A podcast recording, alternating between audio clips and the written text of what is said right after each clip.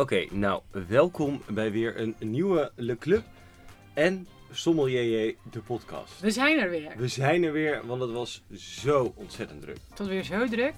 En ik was natuurlijk op reis. Jij was op reis, ik was mijn reis aan het voorbereiden Ja, en zoveel stress. zoveel stress. En eh, ja, de- ik denk ook dat we maar gelijk even met de deur in huis moeten vallen. We stoppen ermee. We trekken het niet meer, het is te veel werk, het is te, te moeilijk, Nee, we maar verdienen ik, te weinig. ik denk dat we wel eh, alvast kunnen zeggen dat, het, eh, dat de zomermaanden een soort van begonnen zijn eh, voor ons. Dus dat het wat minder frequent Ja. zal, eh, Het, is, zal het, is, het zal ietsje minder zijn. Ehm, We gaan ons best doen sowieso. het is, je moet het eigenlijk zo zien dat we gaan in juni even met winterslaap. In de zomer. Dat is mooi. Zomerslaap. Ehm, zomerslaapje. Want jij eh, gaat. Ja, ik ga natuurlijk eh, die maand zeilen en dat komt nu wel steeds dichterbij. Eh, want eh, op het moment van spreken heb ik vanochtend weer een of andere pomp naar de kloten geholpen. Dus de boot zinkt. wordt, er, wordt er weer een stuurautomaat ingezet en weet ik inmiddels veel meer over nautische begrippen dan wijngerelateerde begrippen. Oh ja, hij is te zeilen. hij is te zeilen. eh, even, even de boot inparkeren. oh ja. Ehm, dus eh, nee, het is, het is echt super spannend. De reis naar Noorwegen komt natuurlijk steeds dichterbij. En ik heb nog niet eens nagedacht over welke wijn er mee moet. Oh, wat Moet je, moet je nagaan hoe druk je dan bent. Ja, ja dan Dus, is het ehm, paniek. Nee, dus dat is alvast even een heads-up. Eh, we doen ons best en misschien dat we nog een keer kunnen inbellen en zo. Maar Het doel is wel gewoon om te, om te gaan podcasteren vanuit een eh, nog nader te bepalen locatie. Havenstad. Eh, een leuke havenstad. Maar dat, dat is echt gewoon, je moet dan ook maar bereik hebben. Je moet maar geluk hebben. Je, het Ja. geluid moet goed zijn. Nee, dus dat, dat, dat gaan we zien. Deze podcast, om er ook daar gelijk eventjes wat over te vertellen, gaat over Georgië. Ja, want dan Want ben daar ben geweest. ik geweest. Daar heb ik heel veel over te vertellen. Was amazing.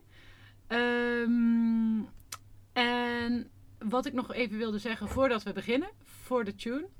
Ehm, op 29 mei organiseer ik een proeverij met vulkanische wijnen. Of eigenlijk wijnen van vulkanische bodems. Ehm, daar ga ik van alles over vertellen. We hebben ook vet toffe wijnen. Ik kan alvast verklappen dat daarbij zit Elsa's Grand Cru Rangen Oh, rangend uit 2003. Nou, hoe heb je dat nou weer bij elkaar geleurd? Ja, special thanks to Zoldering. Oh. Ja, nee, dat is echt eh, geweldig. Daar ben ik zelf ook benieuwd naar. En eigenlijk eh, organiseer ik een soort van heel die proeverij, omdat ik die kan proeven. nee, we hebben ook Tenerife, Santorini, Azoren, eh Suave. Dus ja, het wordt echt leuk. Jammer dat je er niet bent, maar alle proefnotities komen op de club. Maar als je er dus bij wil zijn, zijn er nog een paar kaartjes. Dat is wel gezellig. Ehm, dus dat, dan denk ik eh, dat we naar de tune kunnen. Ja? Ja, ik heb nog een paar... Oh, sorry. Ja, nee, we zijn natuurlijk zo lang weg geweest. Dat we gaan het zo natuurlijk over jouw reis hebben. Maar ik moet natuurlijk ook nog 10.000 dingen vertellen. Ja, ik dacht, jouw jouw mededeling was de Sailing Som. Ja, maar je nee, hebt nog veel meer te vertellen. nee, want ik heb van jou dus een hele... Die gaan we ook op Instagram laten zien. Maar ik heb dus een trui gekregen met de Sailing Som. Nou, dat wordt natuurlijk hysterisch. Maar ik heb ook nog meegedaan Oh ja? aan het NK Sommelier. Wat erg. Ja, dat was, je zou het bijna vergeten. Ja, ik had ook drie uur geslapen. Nee, ik heb laatst natuurlijk eerst al dat hele ASI-examen gehaald. Ja, Eh, en ik ben dus echt het slechtste voorbeeld, want niet geleerd, toch gehaald. Eh, maar heel goed. Dus dat was wel echt top. Eh, alleen ja, met de voorbereiding voor de zeilreis, de podcast, werken, alles overdragen. Eh, het is gewoon eh, paniek. Te dus veel? Het, het is te veel. Het is gewoon te veel. Maar goed, je hebt het wel eh, goed gedaan. Nou ja, ik heb gewoon meegedaan. Dat, dat was belangrijker dan winnen. Achteraf dacht ik van, jezus, wat heb ik veel dingen verkeerd gedaan. Ja, maar ja, degene, de top drie zag ik ook. Dat waren Hm. er drie die echt al jaren oefenen. Het waren machines, het waren beesten. En jij doet dat zomaar even. Nee, de. Adriaan Visser van Harry's ehm, in Maastricht, die is echt de terechte winnaar geworden. Ja. Die was zo ontzettend goed dat ik zat gewoon echt met open mond te kijken hoe die die finale deed. En overal nog tijd voor. En Maar het is misschien ook weer inspirerend. ja, ik vond het toch wel echt heel gaaf. Eh, en onderling was het ook gewoon heel gezellig. En kijk, eh, het klinkt super cliché, maar meedoen is echt belangrijker dan winnen. Ehm, er waren maar twaalf kandidaten. Nou, voor mij had het echt het dubbele mogen zijn. Had die dag wel nog langer geduurd. Dus dat is beter van niet. Mhm, Maar mhm, mhm. Ehm, het, het, het is gewoon heel erg belangrijk voor het vak. Ja. Ehm, En het was gewoon lachieren brullen. En toen om vier uur zeg maar de flessen champagne Hario open gingen, was het gewoon een stuk leuker weer. En kun jij nog even, want nou ja, we krijgen best wel eens eh, eh, feedback over onze lange intro's, maar toch maak ik hem nu nog langer, want ik wil nog even weten welke theorievragen je kreeg. Zeg maar, wat was de ingewikkeld, of ingewikkeld gewoon van wat dacht je van, hoezo moet je je dit nou weer kreeg, weten? eh, wat zit er in, een, in de cocktail Sex on the Beach? God, de Passoa. Nou ja, ik had echt weer geen idee natuurlijk. Ehm, en ik weet nog wel, Adriaan die vertelde, die is dus beste sommelier geworden. En die vertelde dus van, werd 's ochtends in één keer wakker van, wat zit er in de aviation cocktail? Nou, ik ben nog nooit zo wakker geworden. Ik denk, ik, ik, denk, ik wou de wekker alleen maar wegdrukken. Dus die schrok wakker. Nou, die aviation cocktail zat er dus niet in, maar Sex on the Beach had hij ook niet geleerd. Dus dat was eh, een vraag. Je kreeg, eigenlijk was het, het ehm, je kreeg eerst vijf spirits, dus vijf sterke dranken, waarvan je één uitgebreid moest beschrijven. Nou, de eerste was een eau de vie, deed mij denken aan grappa. Maar op een gegeven moment, op het laatst dacht ik toch een beetje Peer Williams. En toen dacht ik, ja, ik toch moeten doen, want dat was het ook. Hm. Of iets met Peer. Eh, en dan moet je dat gewoon definiëren van, oké, eh, wat is het hoofdingrediënt, wat is het alcoholpercentage, waar komt het vandaan? Mhm. Ehm, En de moeilijkste, of zeg maar, van die gekke theorievragen? Ja, het, het, ik heb, het was zo uiteenlopen. Dan moet je dus bijvoorbeeld... ehm, Die eh, van Griekenland? nee, je krijgt eh, druiven. Ja. ehm, en dan moet je zeggen eh, of het wit of rood is. En uit welk land. Oh ja. En dan denk je, nou ja, Merlot, dat lukt me wel. Maar dan heb je... eh, Merlot. we gaan het dus vandaag over eh, Georgië hebben. Ke- Keka Frankos. Nou ja, ik kan het niet. Nee, kijk, Frankos, dat is, Dat is eh, weer iets, maar dat zat- Hongarije. ja, dat blauw dat-. Dat zat er dus wel in. Ja. En dan werd er dus ook gevraagd van wat is dan weer het synoniem van deze druif. Dus dan had je Sensibel. Nou, dan moest je maar weten dat Sensibel weer Tempranillo, dat dat weer Spanje is. Ja. En, ehm, ja, echt allemaal van die, van en die, Morillon. van die weetjes. Wat is Morillon? Ja, Chardonnay. Uit Oostenrijk. Ja. Die wist ik nog uit onze podcast. Dus er zijn heel veel van die dingen waarvan je denkt van, nou, zelfs met... eh, en het, ja, er waren ook echt een aantal kandidaten die hadden ook net hun eh, WZ4-examen gedaan. Nou, die werden er ook niet veel wijzer van. Nee, maar dit zijn echt van die enorme weetjes. En dat hoef je zelfs eigenlijk voor WZ4, hoef je dat natuurlijk niet echt te kennen. Nee, dat is, dat is gewoon heel ja, structuur. Dat is, eh, maar het is wel leuk. En dan, met die, dan heb je nog drie praktijkonderdelen. Eh, dus je moet een wijn, twee wijnen blind proeven in vijf minuten. Ja? Ehm, en dat gewoon lekker beschrijven. Nou, ik, ik, was er zo, ik was het gewoon zo aan het verpesten. Want je bent toch zenuwachtig en je hebt twee mensen tegenover zitten. En kijk, met de WZ is het heel overzichtelijk. Mhm. En dit is ook heel overzichtelijk. Alleen ik had even van tevoren moeten lezen. Dus dat je dus ook eh, de druif, waar, een, een wijn- en, eh, wijn- en spijssuggestie, welk Ja. glaswerk, zou je het karaveren, niet karaveren, kan het nog lang ouderen, ja of nee? Nee, maar goed, wat ik denk eh, is als jij gewoon, als je dit graag wil en je gaat wel even gewoon maximaal studeren, dan kan je dit makkelijk winnen. Nou, het is Volgende wel, het is als je je houdt aan die structuur, Ja, het is altijd moeilijk voor ons. Dat is heel moeilijk. Dan, dan is er zeker hoop. Nee, en het, het was gewoon echt oprecht een hele leuke dag. Ja. En we hebben het heel gezellig gehad. We hebben allemaal ontzettend gelachen. Dat gala-diner was heerlijk. Eh super goede wijnen. Wat natuurlijk 9 van de 10 keer tegenvalt. Maar ja, het was toch het NK Sommelier. Mhm. Dus we hadden Riesling Gewächs. We hadden Meursault op Magnum. eh, lekkere Pinot al bij de Pièce. Het was ehm, Helemaal top. allemaal sterrenchefs. Ja, ik heb echt heerlijk gegeten. Het was fantastisch. Nou, top. Ik weet niet hoe ik thuis ben gekomen. Nee, dat eh, is dan altijd lastig. Dat is altijd lastig. Zullen we eens naar de tube? Ja, we gaan naar het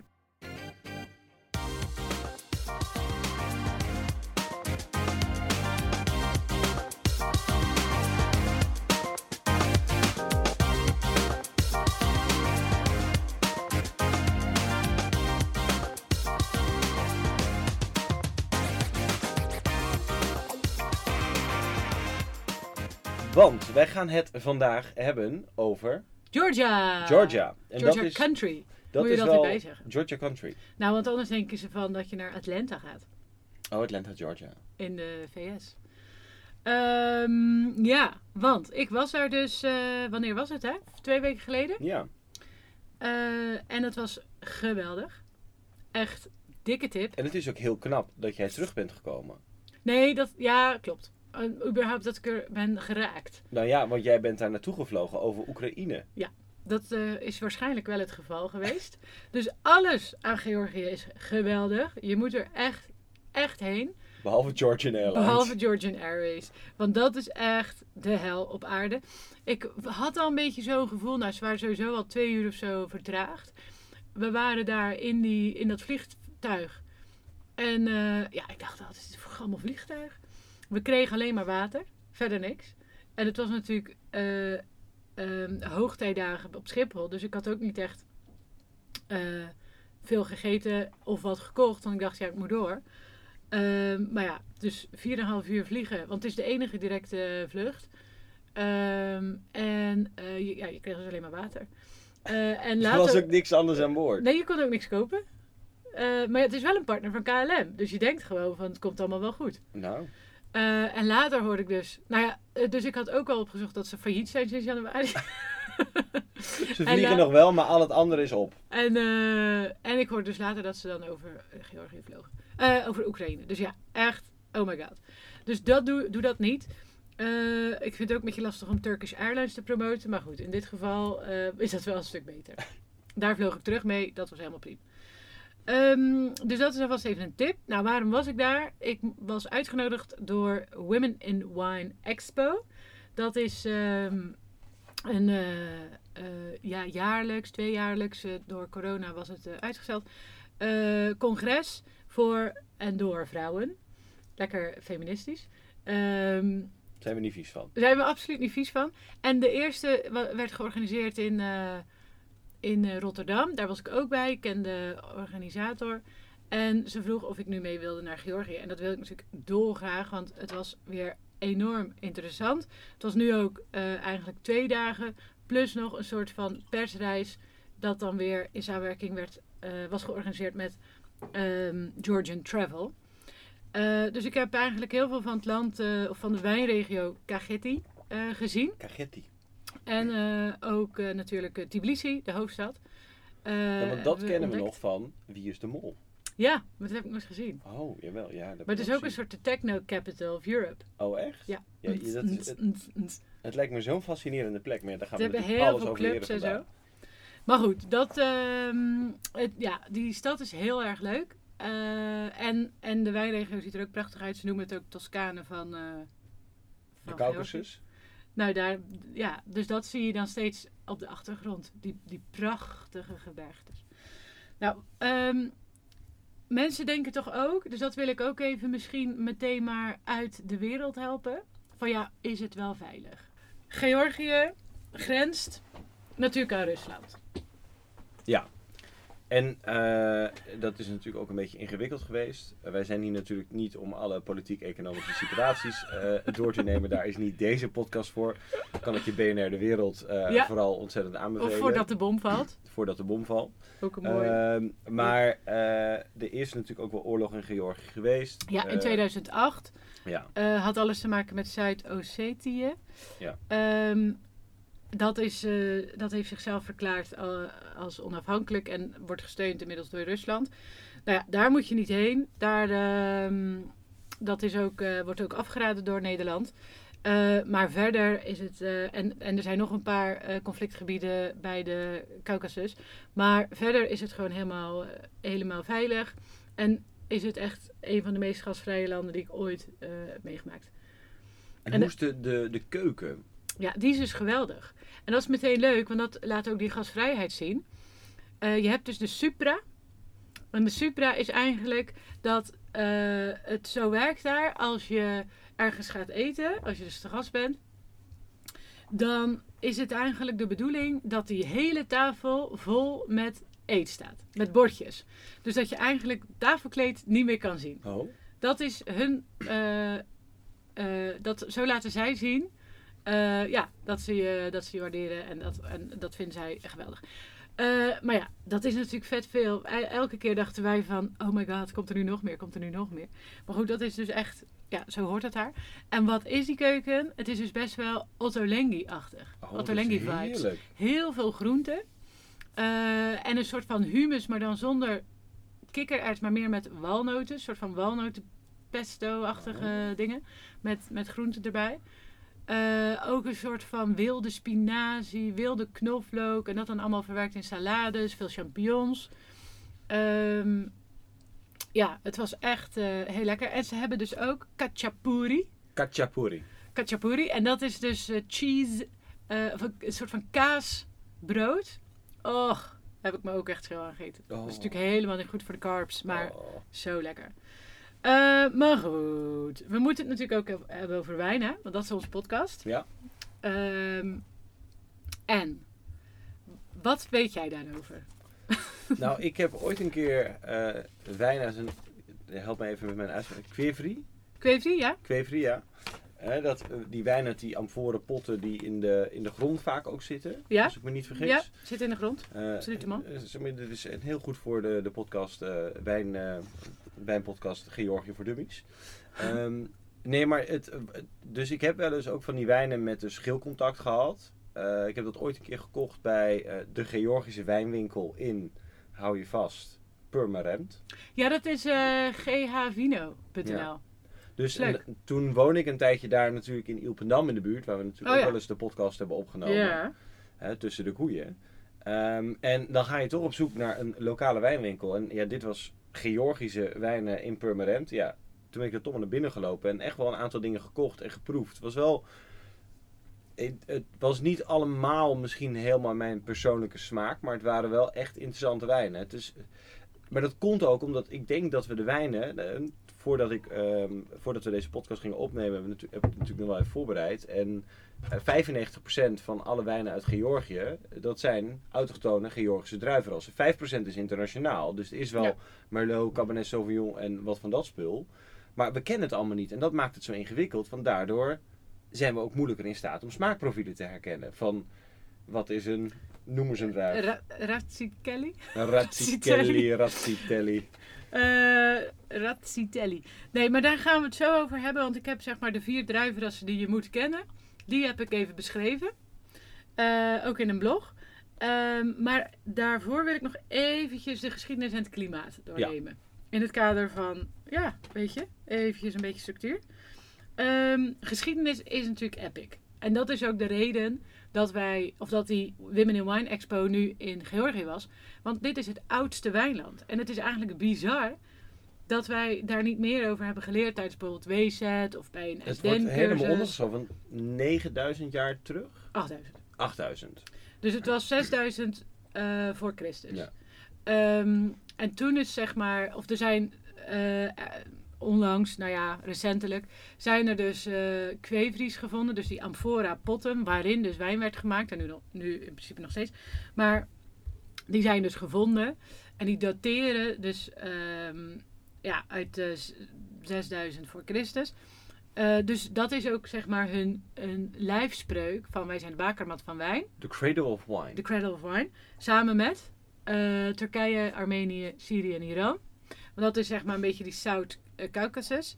Ehm, En negen, of 8000 jaar geleden wa- was dat qua eh, landjepik natuurlijk wel een iets andere setting dan dat het nu is. dat eh, is ook zo. Ehm, en ehm, nou ja, dus dat is, dat is toen gevonden. En dat maakt dat eh, Georgia eh, ehm, al zo uitzien. Dat is dus ook hun lijfspreuk van 8000 vintages. Dat zeggen ze. Dat is Ja, maar hun- en dat is toch wel grappig dat, want dit, dit is gewoon eh, een feit dat het zo is. Ja. De, de, die restanten zijn waarschijnlijk carbon dated, Ja. waardoor dit zo accuraat is. Maar Ja. dan is het toch weer in de vergetelheid geraakt. En waarom is dat gebeurd? Hadden ze daar bijvoorbeeld een antwoord op? Hebben jullie het daarover gehad? Van hoe kan het dat hè, het Nou ja. oudste wijnland ter wereld, pak een beet, Het heeft Eh. natuurlijk voor een groot deel wel te maken met eh, de Sovjet. Ja. heeft natuurlijk met van alles te maken, maar ik denk dat dat een heel groot punt is. Want toen was gewoon, was er geen focus op kwaliteit, maar op kwantiteit. Tot de max. Dus bijvoorbeeld die eh Razzitelli, dat is een druif die lekker, dat echt zo'n werkpaarddruif is. Eh, dus dit is, die kan heel veel produceren, dus die werd volle bak aangeplant. Maar niet met de gedachte van, oh we maken daar de mooiste wijn van de wereld van. Hm. Maar we maken gewoon lekker veel. Zodat we dat allemaal kunnen volumepompen? volumepompen. Ja. Dus dat, daardoor is het wel echt ehm, ja, in, eh, in de vergetelheid geraakt. En ja, was het gewoon veel minder interessant dan natuurlijk de, de westerse landen als Frankrijk en eh, Italië en zo. Ehm, Maar goed, ehm, eigenlijk, ze zijn dus sinds 1991 eh, onafhankelijk eh, ja, van, van, eh, van, van Rusland. Ehm, toen heeft Rusland ook nog een tijdje een exportban op Mhm. Georgische wijn en zo erop opgelegd. Voor, en Rusland was eigenlijk best wel een grote afnemer. Maar goed, die is nu weer eraf. Of misschien eigenlijk nu Ja, weer ja, want er ging ook veel Oekraïnse wijn naar Rusland, hè? Ja. Dus dat is ook nog wel een dingetje. Daar heb ik in die Kenten laatst nog een artikel over gelezen. Dus het is wel wijn uit die eh, hoek, zeg maar. Dat, dat zie je niet dat veel. zie je hier niet. Maar Nee. dat wordt wel veel geëxporteerd naar, de, naar bijvoorbeeld dus Rusland. Ehm, even kijken. Nou, eh, qua eh, key factors ehm, telt Georgië ongeveer 50.000 eh, hectare aan wijngaarden. Dat is Ehm, fors eigenlijk. Dus de helft van Duitsland op zich. Maar ja, nog best wel veel. Eh, en daarvan is ongeveer 70% van de wijn wordt geproduceerd in Kakheti. Kagetti. Kakheti. De grootste wijnregio. Is dat dan Ja. ook de Tuscany of Georgia? En daar ben ik ook geweest. Nou, het ziet er inderdaad heel mooi uit. Ehm, het is natuurlijk nog wel... Hier en daar heb je best wel wat eh, vervallen eh, stukjes. Hm. Maar als je zo'n wijngaard ziet en dan die Caucasus op de achtergrond, ja, dat is natuurlijk echt schitterend. Ehm, en we zijn ook bij verschillende wijnhuizen geweest. Ehm, en ja, het mooie is dat ze dus daar, elke wijnhuis waar wij in ieder geval zijn geweest, die heeft dus van die kweevries in de grond staan. Wat is een kweverie? Ja, dat is dus een amphora pot, aardewerk pot. Wij zijn zelfs ook bij een kweverie master geweest, dus, die dat maakt. pottenbakker. Een pottenbakker. Die dat al voor de vierde generatie maakt. Want dit is natuurlijk al een eeuwenoude traditie. Ehm, en eh, het wordt gemaakt van eh, ja, een soort van klei. Die, eh, die wordt gehaald bij een of andere eh, rivier. Ja, hij heeft dat toen uitgelegd waar dat precies was. Maar in ieder geval, je hebt een bepaalde soort klei nodig. Ik las ook in de voorbereiding dat Georgië 26.000 rivieren heeft. Best dus, veel. dus het is best wel... eh, ja, dat je dat dan niet even scherp hebt, dat is wel jammer. ja. Ehm, en ehm, die man zei ook van ja, ik werk dus daar dagelijks mee. Hij, heeft, hij maakt er 16 eh, tegelijkertijd. Dus wij waren in die kelder en er stonden 16 van die nou ja, half eh, afgemaakte potten. Want eh, elke twee, drie dagen ehm, eh, doet hij er een randje op. En dat is dus ongeveer, kan hij er dan eh 10 centimeter bij doen. Hm. Dus elke twee, drie dagen 10 centimeter bij. En dat hangt weer af van het weer. Als bijvoorbeeld lucht, als de luchtvochtigheid hoger is, dan, dan duurt het langer om te drogen natuurlijk. Ehm, dus dat, eh, dat gaat zo door voor ongeveer drie maanden. Dan heeft hij hem klaar. En dan moet hij eh, drie weken drogen. En dan gaat hij de oven in. Op iets van 1200 graden of zo. Ehm, en daar hebben ze dan weer zeven tot acht mensen nodig om die kweverie naar die oven te rollen. Wat een gedoe. En die oven die is dan weer met een steentje gemets, met stenen muur gemetseld. Dus die moet, die, dat moet eraf. Kunnen ze die kweveries erin gooien. Nou ja, rollen, voorzichtig, niet kapot gaan. En dan kunnen ze dat muurtje weer Maar ze, dichtmetselen. het is niet zeg maar dat ze dachten van we moeten een deur hebben. Nee, we metselen de deur elke keer weer opnieuw in en uit elkaar. Ja, want het is gewoon, in, in, het is gewoon buiten, in de open lucht. Oh. Ehm, ja, nee. Dus eh, ik denk ook dat het eh, te duur is als je een soort van eh, gebouwde kweverie over moet maken. en die deur moet natuurlijk bestand zijn tegen En een er enorme waren ook hitte. niet veel uh, kweveriemakers meer, toch? Nee, eh, ik had dat wel ergens. Ik las volgens mij dat ik ergens heel snel dat ik las dat er nog maar vier waren of zo. Of Oh ja. er- Ik heb het aan die man gevraagd en die zei er zijn er drie in Kagetti en nog zeven in andere Oh ja. regio's. Eh, er is ook geen kweevrieschool. Oh. Want ik dacht van ja, hoe leer je dit? Weet je wel? Hoe word je kweevriemaster? Eh dat is er niet. Het is echt, wordt overgedragen op familie. Eh, dus het is echt een, eh, een traditie die, in, die van vader op zoon of, of misschien op dochter Oh. doorgaat. Ehm, en ehm, de meeste kweevries daarin past 1500 liter. Ehm, en ja, hij maakt er dus ongeveer 16 per keer. Maar ja, alles bij elkaar duurt het toch wel een paar maanden voordat zo'n kweverie klaar is. Eh, en ja, dus ook gewoon meer kan je ook weer eigenlijk niet echt. Of die man kon dat niet, omdat gewoon zijn ruimte eh, niet groot genoeg is. En er is wel veel vraag naar de potten. Ja, en steeds meer ook buiten Georgië. Internationaal. Ja. maar het is ook heel fragiel volgens mij. Dus ook qua transport is dit ook, zou dat ook wel een dingetje zijn. Ja, dat, eh, dat is best. Nou, en één dag voordat ik in Georgië eh, eh, landde, was er dus een mini-aardbeving. En dat is wel eens vaker. Eh, niet heel vaak, maar kan. Dus die potten moeten ook echt wel goed stevig in de grond staan. Ze krijgen meestal nog een laagje Mhm. van een soort eh, zand en steentjes of zo. Ehm, voor extra bescherming. Oh. Wat Nou- een leuk wijnland eigenlijk. Oh, het is zo Ik vind het heel leuk. Ik vind Ja. het ook heel leerzaam. Ehm, nou, en in die ehm kweevrie, daar wordt dus ehm, wijn gefermenteerd. En het werkt eigenlijk zo dat alles daarin gaat. Alles in de pot. Alles in de pot. En dat kan dus witte druiven kunnen dat zijn. En eh, in principe, eh, als je een orange wine zou willen maken, die ook best wel stevig tannines heeft en zo, dan laat je dat eigenlijk voor zes maanden op die schilletjes weken. Zes maanden is wel heel intens. Dat Ja. zou zelfs al voor rode wijn heel intens zijn. Maar dat is, eh, dat is wel het geval. Eh, maar wat er gebeurt, en daar zal ik nog even een fotootje van toevoegen, is dat ehm, ja, na verloop van tijd alles gewoon naar die bodem zakt. En dan pompen ze dan het bovenste eraf. Ja, eh, ik heb hier een heel leuk plaatje. Ik moet het eventjes opzoeken. Want dat is wel echt goed om erbij te houden. Want dan, omdat alles naar de bodem zakt, en je hebt ook die steeltjes en zo erbij. ehm, heb je eigenlijk automatische filtratie. Oh. Want die steeltjes en die, zeg maar, dat, dat zakt steeds verder zo hopsakee naar de bodem. Dus dan heb je daar e- eigenlijk helemaal onderin komen de zaadjes. Daarna komen de eh, steeltjes. Ja. Daarna de skins. En daarna de lie.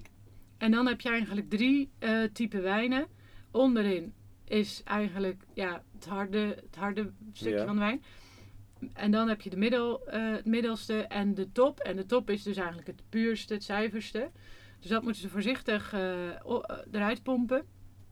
Ehm, Maar gaat dat dan mechanisch of komt er dan iemand met een tuinslang die zuigt even aan het uiteinde? En dat verschilt. Eh, dat verschilt per eh, hoe groot de, wijn, de, de, de winery is. Ehm, maar volgens mij bij gewoon middelgrote gaat dat eh, met een pomp. Hm. Maar wat ik wel interessant vond, is dat ze dus die, ehm, dat het dus auto, autofiltratie noemen ze dat. Ja. Dus die, door die steeltjes, dat dat zeg maar zo naar beneden zakt. Daardoor filtert het eigenlijk de wijn. En ja, zijn al die wijnen dus onge- worden ongefilterd gebotteld. Hm. Dus het is ook, 9 van 10 keer zijn ze ook echt wel ja, enorm natuurlijk gemaakt.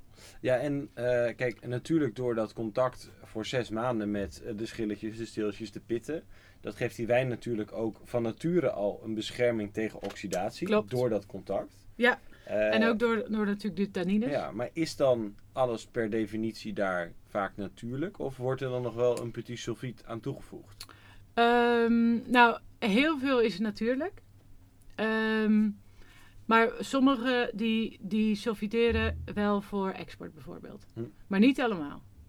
Eh, want, want- volgens mij die pheasants, phe- pheasant tears, ehm, die, eh, die niet. Dus daar kan je nog wel eens... eh, Wat flesvariatie Ja. hebben. Maar wat ik heb geproefd was echt, ge- vond ik echt heel goed. Ehm, en ik heb mijn favoriete orange wines en, en rode wijnen. Daar heb ik even een lijstje van gemaakt. En ik ben nu aan het proberen om daar een proefbox van te maken. Dat is wel heel leuk. Dus dan kan iedereen dat eens even meemaken. Eh, maar ik ben nog even eh, met alle... Want het komt natuurlijk weer van allerlei importeurs. Het zal ook niet eens makkelijk gaan. Het wordt weer een hele moeilijke box. Maar wel heel leuk, denk ik. Eh, en ja, ik vind het ook wel gewoon leuk om dat een beetje te promoten. Omdat ik er echt ben, echt wel ben door verrast. En omdat die orange wines echt heel goed gaan bij die groentegerechten. En dat Ottolenghi-achtige eh vibes. Eh, dus dat, dat lijkt mij gewoon heel leuk. En nou ja, de barbecue season komt eraan. Ik denk dat daar ook heel goed bij gaat. Als je dat lekker met kruiden Nou, ik heb- doet. Van de week dus ook ehm, Orange van eh Foradori Pinot Gris gehad. Oh ja, die is ook Die leuk. was, vond ik fenomenaal. Maar ik heb dus ook bij een groente hoofdgerechtje Ja. ehm, een Orange Gewürztraminer Eh, oh ja, uit de Elzas. van eh Vignoble du Rêveur. Ja, dat was. het- Ik, ik zal even de fles weer erbij moeten pakken. Maar ik vond dat wel. Het is wel next level natuurlijk voor mensen. Eh, want het was ook nog eens natuurlijk. Maar Mhm. ja, dat natuurlijke, dat is helemaal niet eng. Zie, ik ben al helemaal bij aan het draaien. Juist ook omdat door dat schilcontact die wijn zoveel bescherming heeft. Maar het is zo. Ik weet niet, ik vind het. Ik, ik wil niet zeggen dat ik mega of val voor de hype. Alleen, ik kan die wijnen gewoon beter op waarde schatten. Maar natuurwijnen of orange? Natuurlijk orange. oh ja, Ja, ja, orange. ja. Ja, Ik vind ik het vind het ook echt leuk. Ik heb die Pinot Gris van Foradori zitten drinken alsof het... Nou ja, het- Maar goed, dan heb je natuurlijk ook wel weer echt een mooie. Ja, oké. En die in mijn box komen, dit, dat, dat zijn ook mijn favorieten. Want ik heb ook wel echt eh vieze wijnen geproefd. Ja, maar dat, dat, Dat heb je overal. dat heb je overal. Dat heb je van Nederland tot Frankrijk tot Duitsland. Er zijn ook alles wijnen die niet te banken zijn. Ja, ehm, want soms is het gewoon te, zeg maar, dan overheerst die tannines. Of soms is het veel te bitter. Eh, maar als alles gewoon lukt en als, ja, als je ziet dat er heel veel eh, aandacht en, eh, en eh, aandacht voor detail en zo in is ge- gegaan, dan dat, dat merk je echt en dat proef je heel goed. Ehm, nou, wat ik net zei, dat is dus voor amber wines. Want eigenlijk noemen ze dat amber wines. Mhm. Ehm, maar hetzelfde trucje kan je ook doen met rood. Dat is eigenlijk hetzelfde. En dat En- laten ze dan ook zes maanden lang. Ja. Dat lijkt me wel voor die tanninestructuur, ook voor rode wijn, heel heftig. Nou, dat valt dus wel mee, omdat die. die eh, ehm, zeg maar, eh, er wordt natuurlijk wel meer rode wijn met s- eh, s- eh, schillenal en trosanal vergist. En dat heeft dan eigenlijk geen. ehm, Ja, maar meestal duurt die vergisting dan niet zo lang. niet zo lang. Nou ja, die vergisting. het is ook niet dat het zes maanden vergist, hè? Het heeft gewoon schilcontact. Maar wat het is, is dat als je rijpe eh, steeltjes hebt, soms moet je die nog even laten drogen, dat doen ze ook wel eens. Ehm, dan kan je die heel goed gebruiken. En dat, dat lukt wel in Georgië natuurlijk.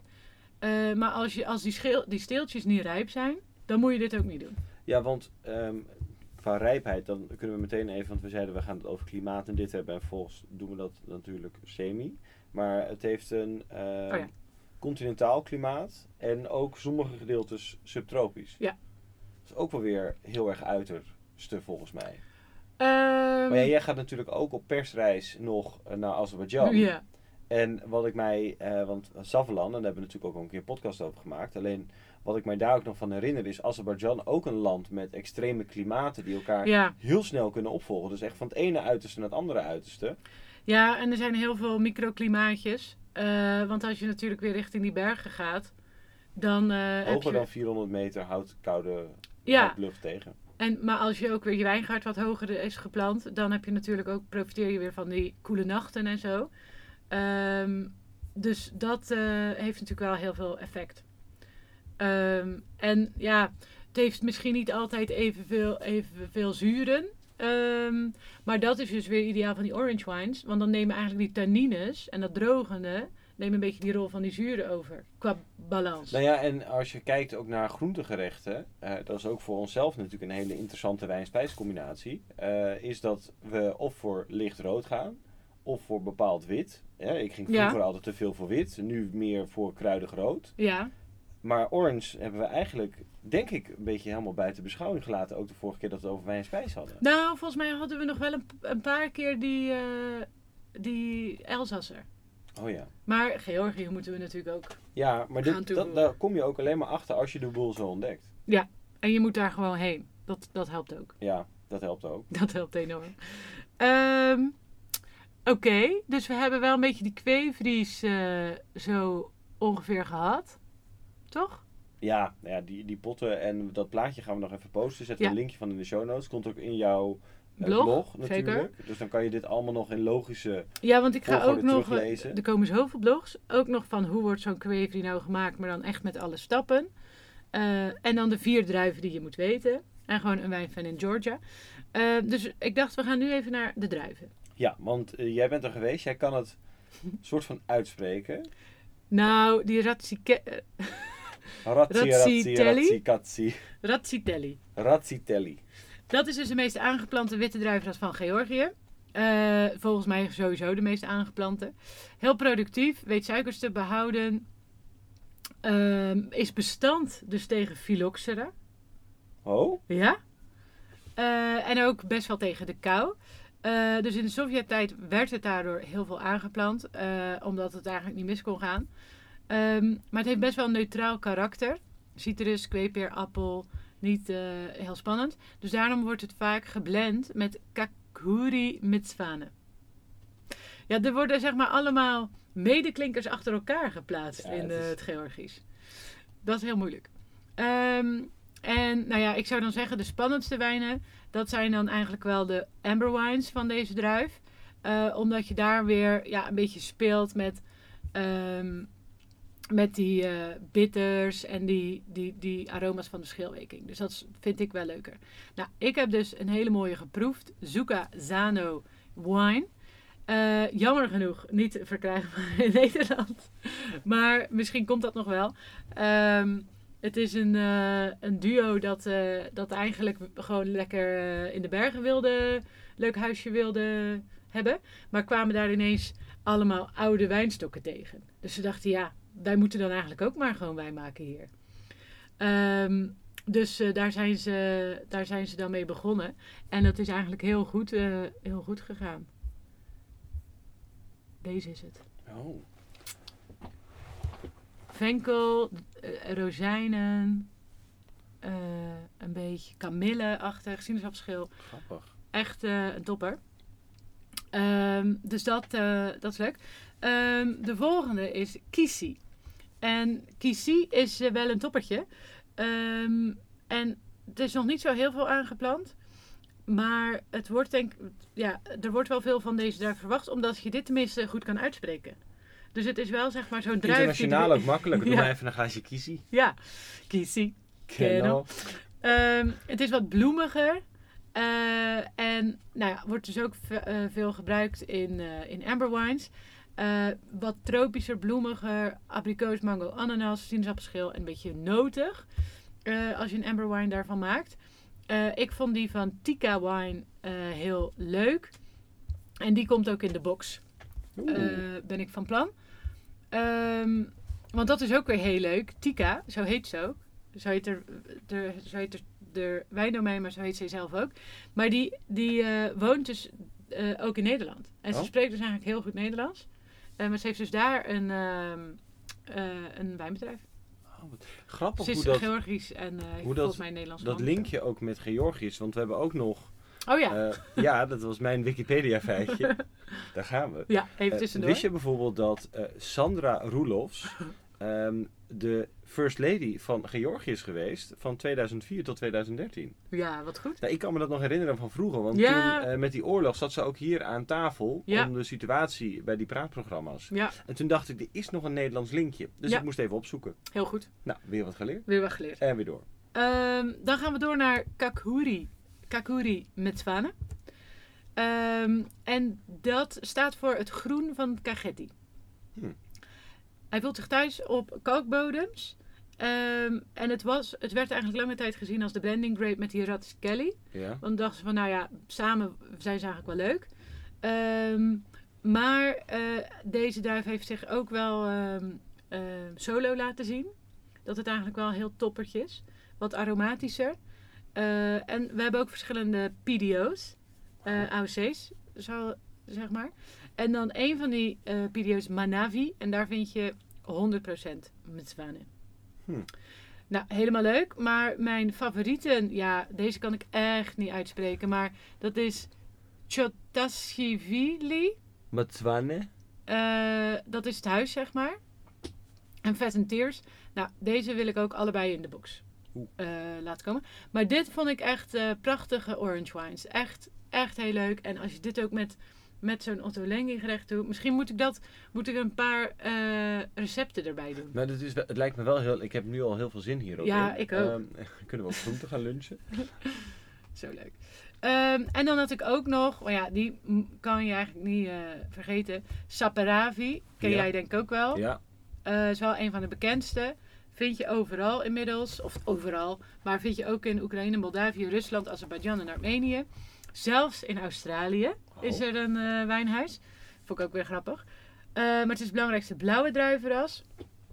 En ehm, wordt ook vaak in eh, kweefries ehm, eh, opgevoed. Maar ook wel, want dat doen ook veel Georgische wijnbedrijven tegenwoordig, is dat ze meer die moderne stijl op willen. Ben ik zelf niet zo'n fan van. Ja, maar of dat, tenminste, zie, ja, dat dan. zie je altijd als een, als een wijnland op een gegeven moment commercieel wil worden, is dat ze dus ook andere dingen gaan doen. Ja, En daarmee zeg maar juist dat authentieke verliezen. Ja, dat authentieke verloren. is, het is de bakermat van wijn. Wij, Ja. wij moeten gewoon eigenlijk met z'n allen die wijn op, op waarde gaan schatten. In plaats van dat we het nu weer allemaal gelikt en... eh, ja, want het was echt, dan is het gewoon gelikt, want dan wordt het op Parieks eh, vergist, zeg maar. Eh, en gerijpt. Dus dan heb je zo'n bak vanille. En dan kan je er eigenlijk niet meer, dan weet je eigenlijk niet wat, wat je drinkt. Of Ja, het nou Saperavi Ik is. vind dat ook eh, heel vaak hoor. Soms heb je ook echt zo'n... Het gebeurt bij mij nog regelmatig dat mensen weer naar de Bernardus vragen. Ja, nou, daar heb ik er dus ook eentje van geproefd. Eh, dat was de Chateau Buera eh, Razzitelli. Maar dan in moderne stijl gemaakt, dus met eikenhout. En het was gewoon een hele prima wijn. Er was niks aan, op aan te merken. Maar ja, het had ook gewoon een Chardonnay kunnen zijn. Ja, ja en dat, dat is dat, dat Dus- overoking. Dus daar moeten ze... eh, maar dat is, dat is ook een vrij nieuw huis. En ze hadden ook een, een orange wine die, die wel eh, echt wel dat, ja, authentiek was.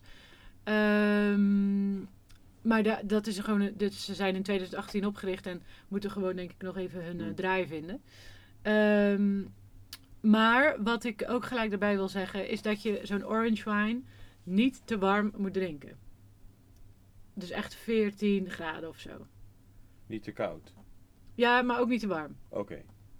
Ehm, nee, want, wij kregen, want de, in Georgië hebben ze daar nog wel eens een handje van. Ze gewoon op cameratemperatuur Oh, serveren. Ja.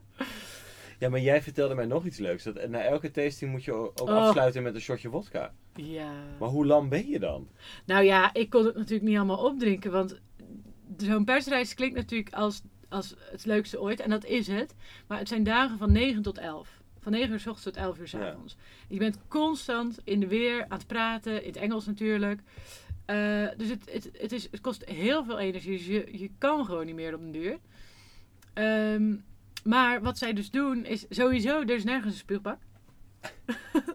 Maar- Nergens. Nee. Bij al die tastings is het gewoon lekker. En wat, wat vonden de mensen waar, die mee op reis waren daar dan van? Ja, iedereen ging daar toch wel in mee. Ja, Nou ja, dan zijn we natuurlijk ook allemaal niet vies van een borreltje. Maar want dat is gewoon, ja. Dat, eh, nu, nu, kon, je- nu kreeg je soms wel gewoon meerdere glazen. En weet je wel, kon je natuurlijk wel laten staan. Ehm, eh, maar goed. Nou, en dan is er eigenlijk ook bij elke eh, proeverij waar we waren, of wijnhuis, elk, eh, iedereen maakt ook cha-cha. Nou ja, je weet, als ik zeg maar iets hoor van een gek, gek woordje, dan moet ik al denken aan een liedje. ja. En dit was mm, cha-cha. Nee, nee, nee, nee, nee, nee. Ken je die? Nee. Nou ja, die, niemand kende die, maar goed, ik, heb, ik had hem even opgezegd. En iedereen vond het helemaal grappig. Eh, dus die zal ik eh, ook in de show notes zetten. Dus elke keer zat ik weer, mm, cha-cha. Maar cha-cha is dus een soort van grappa. Oh, Eh, dat wordt dus gemaakt van druivenpulp. Het kan in principe van alles gemaakt worden. Dus je kan het ook ma- met, me- beter met wodka vergelijken.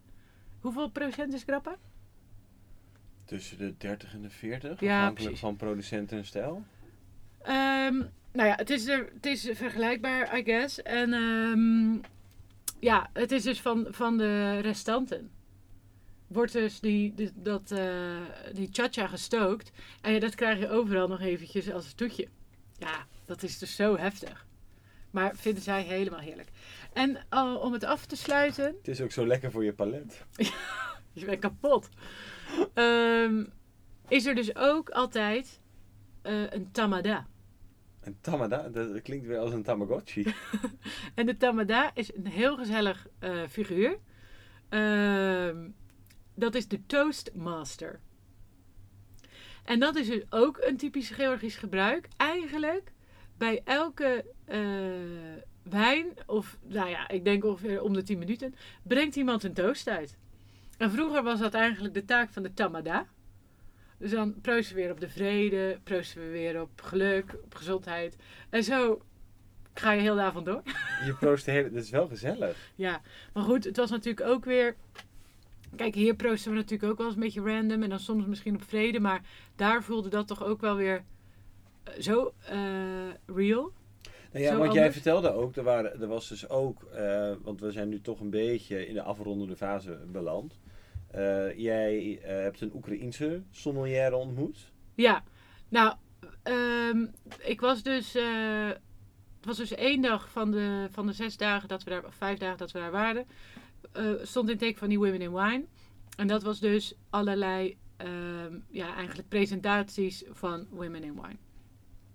Waaronder dus Marina. En Marina is de beste sommelier van Oekraïne. Heeft ze vorig jaar of zo gewonnen. Ehm, en is echt heel goed en doet het super serieus. Echt, daar vallen wij echt bij in het niet. Want zij drinkt gewoon geen koffie twee maanden van tevoren. Eh, ja, eh, heeft een heel ander ritme en, en eh, ehm, ja, kon, had alles goed. Jaar, wijnhuis, regio, whatever. Ehm, dus dat ging helemaal lekker. Ze werkte in Kiev in eh, een van de eh, restaurants met de grootste wijnkaart. Iets van 2000 eh, wijnen stonden op de kaart. Ehm, en was dus helemaal lekker bezig. Totdat natuurlijk de bommen naast haar huis vielen. Gewoon letterlijk naast Ja. haar huis. Dus zij werd wakker op een gegeven moment en die, de ramen waren eruit. Ja, dat springt natuurlijk, ja. Waar moet je nagaan? Dat er zo'n rocket naast je valt. Ja, dat is toch onbeschrijfelijk Ja, en onvoorstelbaar? wij kennen dat gevoel van de oorlog absoluut niet. Nee. Ehm, en zij zit nu in de dodo. Want ze kon eigenlijk op heel, naar heel veel plekken toe. Overal werd, eh, werd eh, hulp geboden. En ze is nu eh, bij de Symington family. Nou, daar wordt goed voor gezorgd, denk ik dan. Maar toen zij daar in, haar, in haar appartement kwam en ze zag eh, die ramen, want die ramen waren zeg maar van, van eh, de vloer tot aan het plafond, was haar eerste gedachte wel van, oh wat onveilig, oh waarom doen ze dit? Maar toen later dacht ze, oh ja, hier vallen geen bommen. Ja, nee, maar dat, dat is natuurlijk ook gewoon die... Je, je bent ook een soort van semi in shock. Ja, Hè, dit is een hele traumatische gebeurtenis. enorm. Dus eh, Maar goed, zij gaf dus ook een, een presentatie over ehm, wine and war. Ehm, dus ze vertelde op een gegeven moment, zei ze, I have to, now I have to pair wine and war. Oh, nou, ik zat daar met tranen in mijn ogen. Ik kon niet meer. Het was zo heftig. Ehm, nou, daar ga ik ook nog wat over schrijven. Maar eh, ze, ze refereerde ook naar de Franse eh, die, waaronder de champagnes, die ook natuurlijk eh, hebben geleden onder, onder de Tweede Wereldoorlog. Wat ik ook nog even wilde zeggen over, over Frankrijk, is dat ehm, in Parijs is er toch zo'n chic restaurant, Tour d'Argent. ja, er zijn heel veel chique Ja, restaurants. dat is waar. Maar Tour d'Argent is echt zo'n, dat is echt een soort summen. Oké. En die hebben een, een extreme kelder. Eh, met alle bijzondere ehm, flessen en zo. Nou, zij waren destijds in de Tweede Wereldoorlog ook natuurlijk angstig dat dat zou geplunderd worden door de Duitsers. Dus zij hebben eh, een geheime kamer gebouwd om dus flessen te verstoppen. En dat is, dat is eh, goed gegaan. Ehm, dus ze hadden ook nog eh 18 botten uit 18... ze- Nee, flessen uit 1876 en Je hebt 77. natuurlijk die notities in het Engels gemaakt. Dus jij, wil, Ja. jij wil weer bottles zeggen. Het is allemaal door elkaar. Maar, ehm, eh, dus dat vond ik ook wel mooi. En zo had Marina nog een aantal, nou ja, eh, ehm, verwijzingen naar zeg maar, de Tweede Wereldoorlog en hoe ze daar zijn omgegaan. Eh, want daar, nou ja, ook in de champagne is daar heel veel eh, paniek geweest. Eh, en, en wil ze gewoon natuurlijk hun mooie wijnen beschermen tegen ehm, plunderingen. Ehm, nou, ook in Oekraïne is er best wel veel verloren gegaan. En is het ook heel moeilijk om daar dat helemaal te achterhalen. Ze had een paar foto's van wineries die dus helemaal kapot waren gemaakt. Eh, alleen ja, die foto's zijn ook moeilijk om op je telefoon te houden. Omdat je bij checkpoints soms wordt gecontroleerd. En nou ja, dan mag je dat dus allemaal niet op je telefoon Zo hebben. ingewikkeld, hè? Dus het is echt bizar. Wat ook bizar was, was het gala-diner. ehm, waar ik eh, eh, dus aan de ene kant naast Marina zat, sommelier uit Oekraïne. En aan de andere kant naast Nadeshka, sommelier uit Rusland. Ehm, zij hadden elkaar 's ochtends eh, ontmoet. En Nadeshka was echt een soort van half in tranen naar Marina toegelopen. Van ja, je moet ons eigenlijk haten. En wat is het allemaal vreselijk. En eh, zij, beide spreken Russisch. Ehm, en eh, ehm, ja, dat kwam eigenlijk helemaal goed. Want eh, die Nadeshka heeft dus heel veel familie in Oekraïne. En werkt veel samen met ze. En nou ja, heeft eigenlijk net zo'n open mind als, eh, als wij. Of misschien nog wel, nog wel meer. Ehm, dus die kon absoluut niet in Rusland blijven. Eh, dus moest vluchten en kwam dus in Tbilisi eh, terecht. Ehm, en nou ja, dat vond ik ook weer zo'n extreem aangrijpend verhaal. Want ja, zij kan ook niet meer in Rusland blijven. Zeg Nee, maar. nee het, is, het, is, het is eigenlijk gewoon, het is zo heftig. Ja, Maar je beseft het ook pas eh, als, je, als je die verhalen persoonlijk hoort, als Ja. je dit meemaakt. En ik bedoel, we kunnen zoveel lezen, ook op internet en al het Ja. nieuws. Maar zo'n verhaal raak je pas als, als iemand met die woorden naast Ja. je zit. En Nou dat je en- het zo... Je ziet het gewoon En zit voltrekken. in dezelfde business, doet dezelfde dingen. eh, en, dan, en dan gewoon bommen naast je huis. Ja, hoe bizar is dat? Nou, Dat is toch niet te doen? Ehm, ja, oh ja, en Marina zei ook nog: Some wine can improve with age, some people can't. nou, Poetin, eat your fucking heart out. Oh, wat vreselijk. Make wine, not war. Ehm, daar ga ik ook nog iets voor doen op de club. Eh, met mooie kaartjes en posters. Met, en dan gaat de opbrengst naar een doel wat Marina mag kiezen. Dus dat zal iets met wijn te maken hebben. Ehm, maar daarover later meer. En voor nu denk ik... Ja, dit was, eh, dit was de Georgië-podcast. Dit was de Ja, la- Georgië-podcast. laten we, want eh, eh, met, nog met een vrolijke noot afsluiten, Ja. voor zover dat mogelijk is. Drink more Georgian wine. Ja, dat sowieso. Ik heb echt, ehm, het voordeel was ook dat ik mij alleen hoefde in te lezen, omdat ik gewoon jouw verhalen kon horen. ja. dat is af en toe ook best lekker, kan ik je Ook vertellen. leuk. Maar ja, dat is dus wel eh, als, als ruilmiddel moet jij natuurlijk wel dus alles vertellen over je sailing trip. Ja, en ik moet dus ook weer als strafkamp, want ze had net een contentkalender, dus ik moet ook allemaal dingen gaan schrijven. Ja. Maar dat doe ik met heel veel plezier. Ja. Dat vind ik namelijk ook echt leuk. Leuk, Ehm, mooi. Dus, eh, dus we hebben natuurlijk dat artikel van de toren. Laatst die Cam was leuk. Ik had Ja. al afgelopen week ook nog een Barolo proeverij. Oh, nou, Dan zat ik weer aan de Barolo uit 96. Oh, dat was weer echt fantastisch. Nee, dus het, eh, er gaan heel veel leuke nieuwe dingen aankomen. Ehm, we gaan denk ik ook sowieso natuurlijk door met podcasten. Maar we gaan de zomerperiode ook gebruiken om eh, veel dingen voor te bereiden. Ja. dus ja, iets minder ehm, vaak, waarschijnlijk. Waarschijnlijk. We dekken onszelf in. Ja. Want normaal gesproken zeggen we... Nee, we gaan in, in corona iedere week een Iedere podcast. week, twee keer in de week. Ja, niet gelukt.